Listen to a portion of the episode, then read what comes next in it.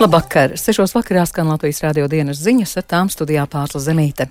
Šodien ziņās agresora saukšanā, sakaušanā nepieciešams darīt nevis kaut ko, bet darīt visu. Minhenes konferencē paziņo Zelenskis. Ukrainas armija atkāpjas no Avdievkas, daļa karavīru nonāk gūstā. Pērn no Latvijas iedzīvotājiem izkrāpti vairāk nekā 8,5 miljoni eiro.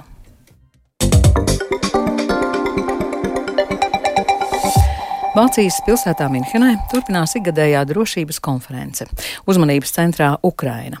Klātesošos šodien uzrunāja Ukrainas prezidents Valdimirs Zelenskis. Viņš uzsvēra: neprasiet Ukrainai, kad karš beigsies, vaicājiet sev, kādēļ Putins šo karu joprojām spēja turpināt. Minkenē konferences gaitai turpina sekot Rihards Plūme. Mēs esam ar Rihardu sazinājušies. Sveiks, Rihard! Pastāsti vairāk, kas šodien izskanēja konferencē.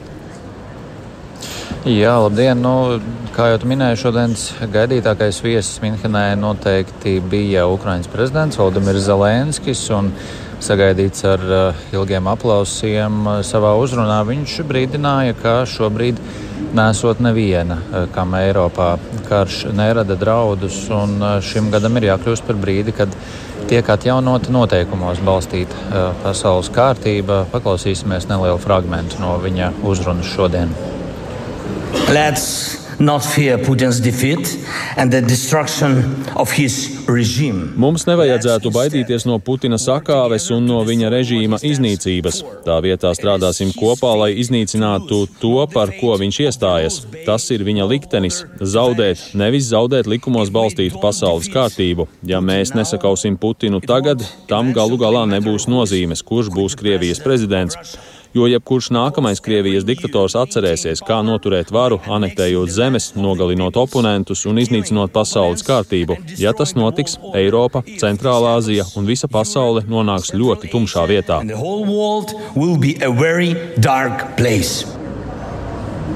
Jā, un uh, viņa uzruna seko neilgi pēc tam, kad uh, Ukraiņas armija ir paziņojusi par šo atkāpšanos no Avdīvkas. Uh, neskatoties uz notikumiem frontē, pēc Zelenska domām, Ukraina ir pierādījusi, ka spēja uzvarēt Krieviju, un tas ir tikai viens no mītiem, ko Ukrainai izdevies apgāzt, proti, ka Krievija ir neuzvarama. Putins var zaudēt, teica Zelenskis, taču viņš arī reizē atgādināja, ka šobrīd Ukrainas darbības kaujas laukā ir limitētas ieroču un munīcijas dēļ, un tas savukārt ļauj Putinam pielāgoties pašreizējai kara intensitātei. Bet šeit satiku un aprunājos arī Latvijas valsts prezidentu Edgars Rinkēviču, kurš man intervijā norādīja, ka no sarunām, kurās viņš ir bijis klātesošs, secināms, ka Eiropa apzinās nepieciešamību būt gatavai, ka šī gada otra puse ASV vēlēšanu dēļ nebūt, nebūs viegla laikā, kad ir jāpalielina savas ražošanas jaudas un reizē arī jāpalīdz Ukrainai. Paklausīsimies, ko viņš teica. Es redzu, ka tomēr visi ir pieņēmuši, ka šis gads būs grūts. Ir jāsagaida ASV prezidenta vēlēšanas, bet tas nenozīmē, ka tikai jāgaida. Tomēr ir mēģinājumi kaut kādus veidus atrast, kā ASV kongress varētu piešķirt palīdzību 60 miljārdu dolāru apmērā.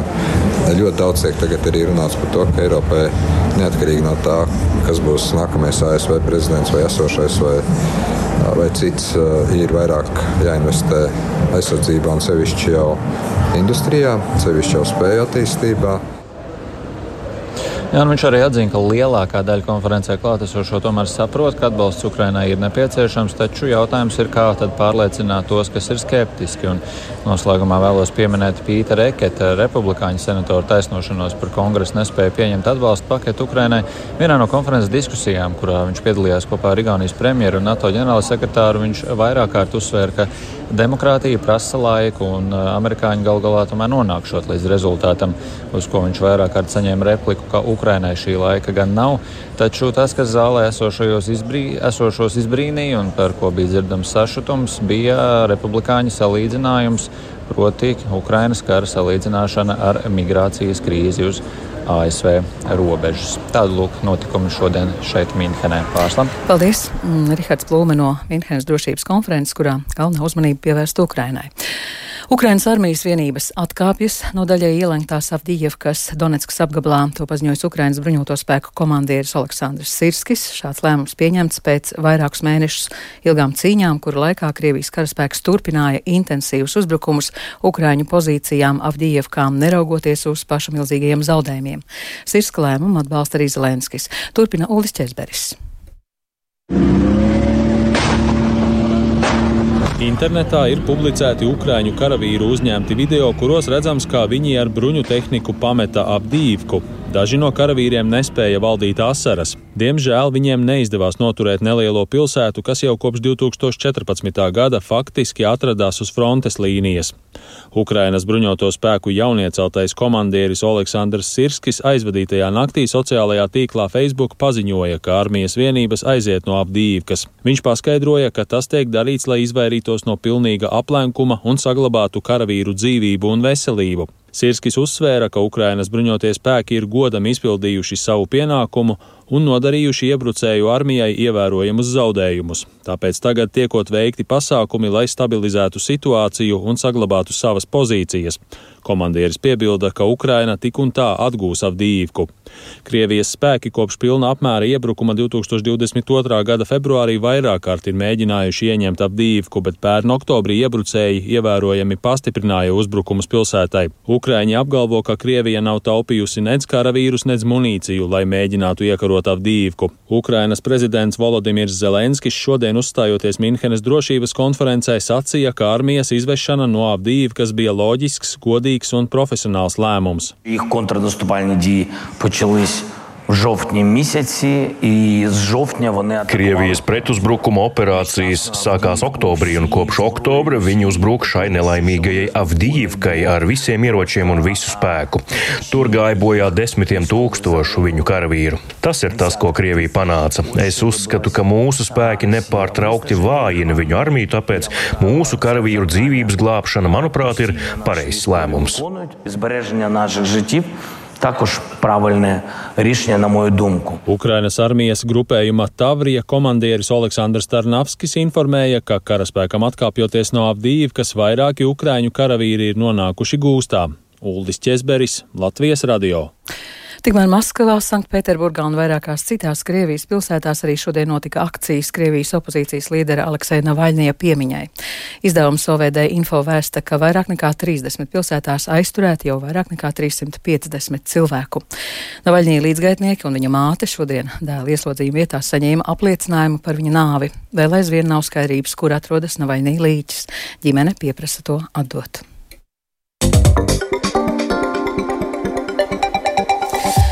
Pērn Latvijā no iedzīvotājiem izkrāpti vairāk nekā 8,5 miljoni eiro. Tādi ir valsts policijas dati. Arī šogad viltus īziņu sūtītāji ir aktīvi un novērots jauns krāpšanas vilnis. Krāpnieki sūta īziņas valsts ieņēmuma dienesta vārdā. Plašāk par statistiku un to, kā sevi pasargāt no krāpniekiem Agnijas Lāziņas ierakstā.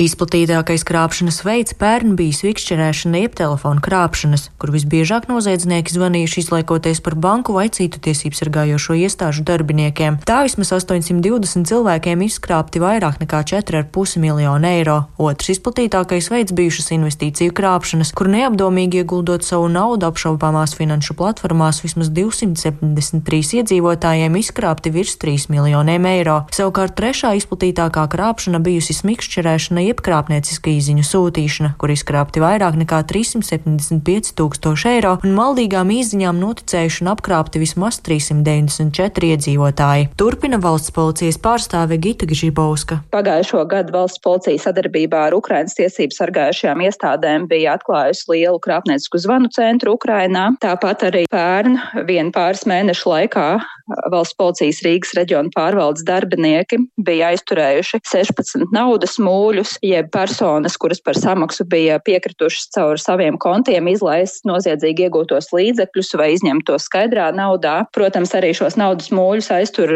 citas valsts policijas struktūra vienības, arī kibernozieguma apkarošanas pārvalde. Nu, arī ārvalstīs regulāri tiek atklāti krāpnieciskie zvanu centri, tāpēc jāsaka, ka darbs šajā virzienā notiek ļoti aktīvi. Tojoties 1. martam tam aktivizējušies arī krāpnieki, kas iedzīvotājiem sūta izziņas valsts ieņēmuma dienesta vārdā par to, ka esot sagatavots nodokļu pārmaksas dokuments par pērno gadu, vien jāspiežot uz norādītās saites. Krāpnieka mērķis ir panākt, lai cilvēks atturot saiti, ievada savus bankas konta datus, tādējādi tos nododot krāpnieku rīcībā. Kā skaidro valsts ieņēmuma dienesta pārstāve Kristīna Augstkalni Jaunbērziņa, pirms 1. marta tas vienkārši nav iespējams. Valsts ieņēmuma dienas nekad nesūta īziņas. Visu informāciju, kas ir nepieciešama, cilvēks jau norāda savā gada ienākuma deklarācijā, kad viņš to aizpilda elektroniski. Norādīs arī konta numurus, kur vēlas saņemt naudu. Nauda tajā kontā tiek ieskaitīta automātiski. Un ja jūs esat saņēmuši īziņu, kurā rakstīts, ka it kā valsts ieņēmuma dienas vēlas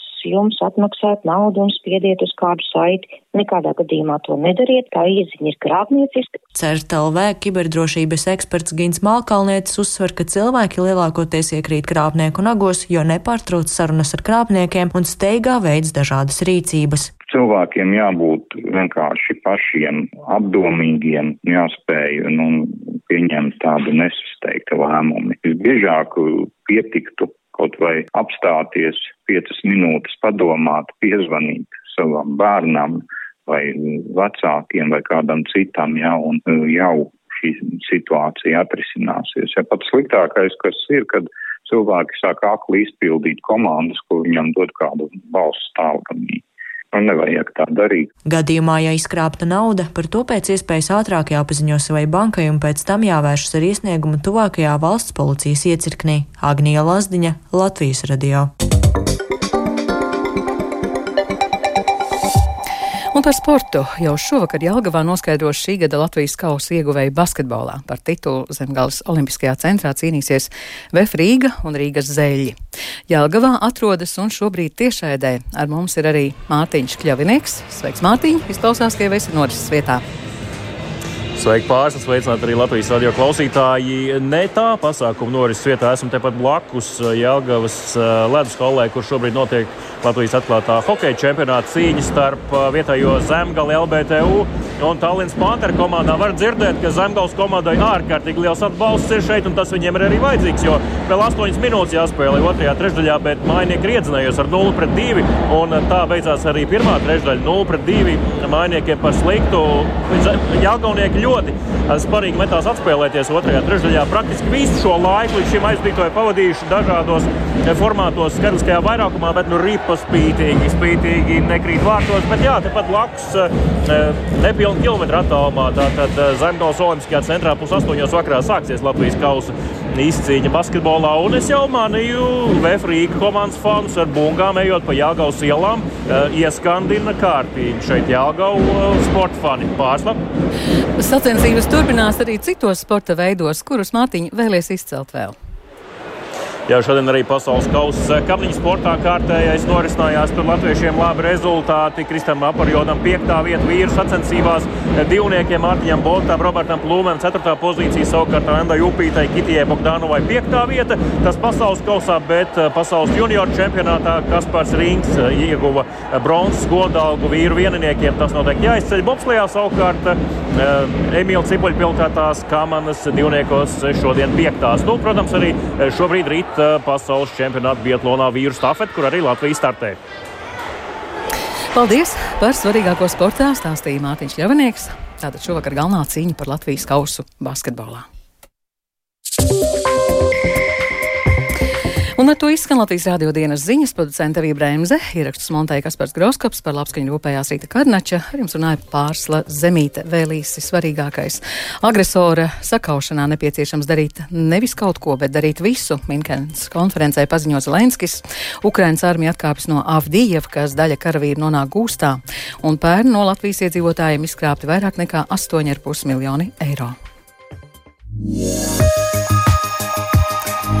Latvijas vidas geoloģijas un meteoroloģijas centrs informē Rīgā pat labam 1 grāds, ziemeļrietumu vējš 7 brāzmas 10 m2, gaisa spiediens 767 mm, gaisa relatīvais mitrums 86%.